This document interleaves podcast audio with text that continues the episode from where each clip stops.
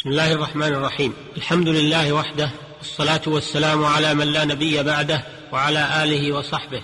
وبعد أيها الإخوة المستمعون السلام عليكم ورحمة الله وبركاته.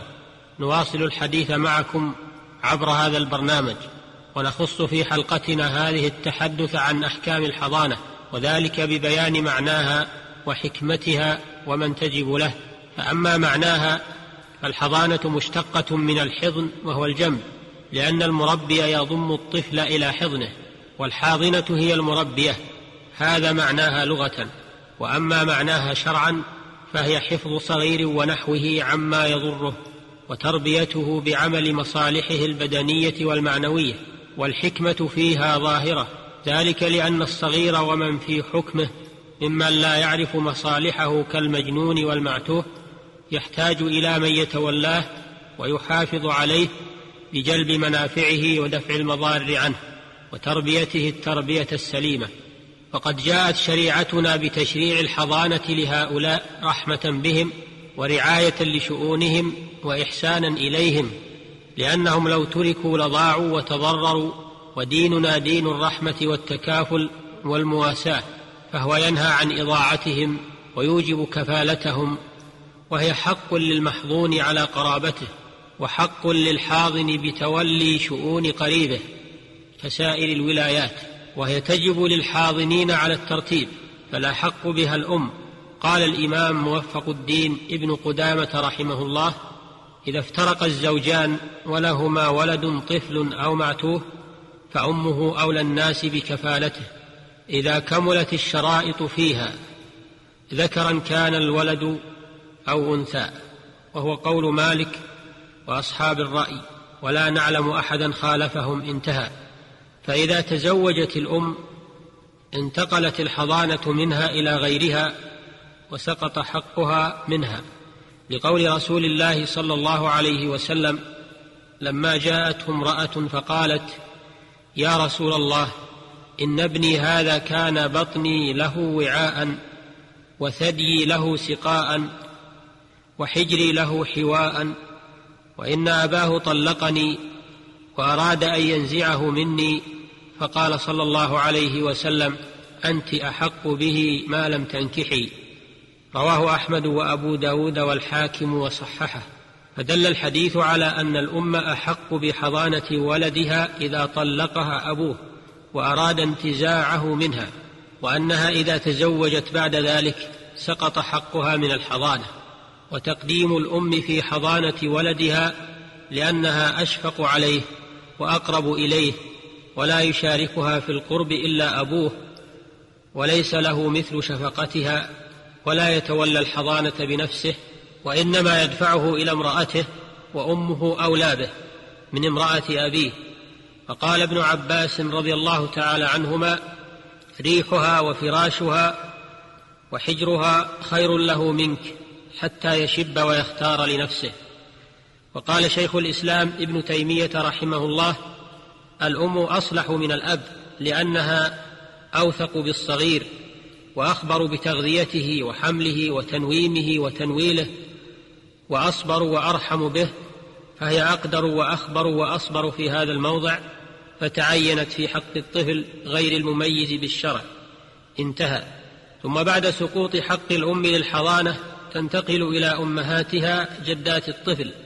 القربى فالقربى لأنهن في معنى الأم لتحقق ولادتهن وشفقتهن على المحظون فهن أكمل من غيرهن في ذلك. ثم بعد الجدات اللاتي من قبل الأم تنتقل الحضانة إلى أبي الطفل لأنه أصل النسب وأقرب من غيره وأكمل شفقة فقدم على غيره. ثم بعد سقوط حق الأب من الحضانة تنتقل إلى أمهات الأب أي الجدات من قبل الأب. القربى فالقربى لأنهن يدلين بعصبة قريبة. وقدمن على الجد لأن الأنوثة مع التساوي توجب الرجحان كما قدمت الأم على الأب. ثم بعد سقوط حق الجدات من قبل الأب في الحضانة تنتقل إلى الجد من قبل الأب الأقرب فالأقرب لأنه في معنى ابي المحظون فينزل منزلته ثم بعد الجد تنتقل الحضانة إلى أمهات الجد القربى فالقربى لأنهن يدلين بالجد ولما فيهن من وصف الولادة فالمحضون بعض منهن. ثم بعد أمهات الجد تنتقل الحضانة إلى أخوات المحضون لأنهن يدلين بأبويه أو بأحدهما فتقدم الأخت لأبوين لقوة قرابتها ولتقدمها في الميراث. ثم الأخت لأم لأنها تدلي بالأمومة والأم مقدمة على الأب. ثم الأخت لأب.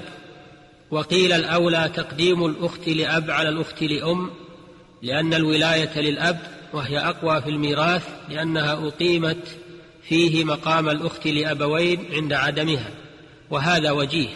ثم بعد الأخوات تنتقل الحضانة إلى الخالات لأن الخالات يدلين بالأم ولما في الصحيحين أن النبي صلى الله عليه وسلم قال الخالة بمنزلة الأم وتقدم خالة لأبوين ثم خالة لأم ثم خالة لأب كالأخوات ثم بعد الخالات تنتقل الحضانة إلى العمات لأنهن يدلين بالأب وهو مؤخر عن الأم. وقال شيخ الإسلام ابن تيمية رحمه الله العمة أحق من الخالة وكذا نساء الأب أحق فيقدمن على نساء الأم لأن الولاية للأب وكذا أقاربه وإنما قدمت الأم على الأب لأنه لا يقوم مقامها هنا في مصلحة الطفل وإنما قدم الشارع خالة بنت حمزة على عمتها صفية لأن صفية لم تطلب. وجعفر طلب نائبا عن خالتها فقضى لها به في غيبتها. وقال رحمه الله مجموع أصول الشريعة تقديم أقارب الأب على أقارب الأم. فمن قدمهن في الحضانة فقد خالف الأصول والشريعة. انتهى كلام.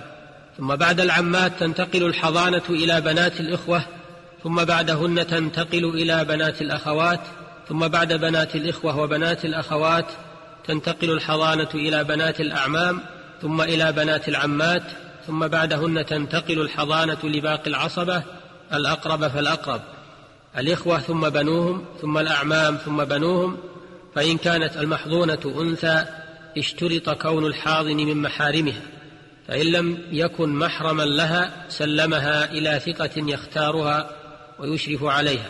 أيها الإخوة المستمعون نكتفي بهذا القدر إلى الحلقة القادمة بإذن الله. والسلام عليكم ورحمة الله وبركاته. والحمد لله رب العالمين وصلى الله وسلم على نبينا محمد وآله وصحبه.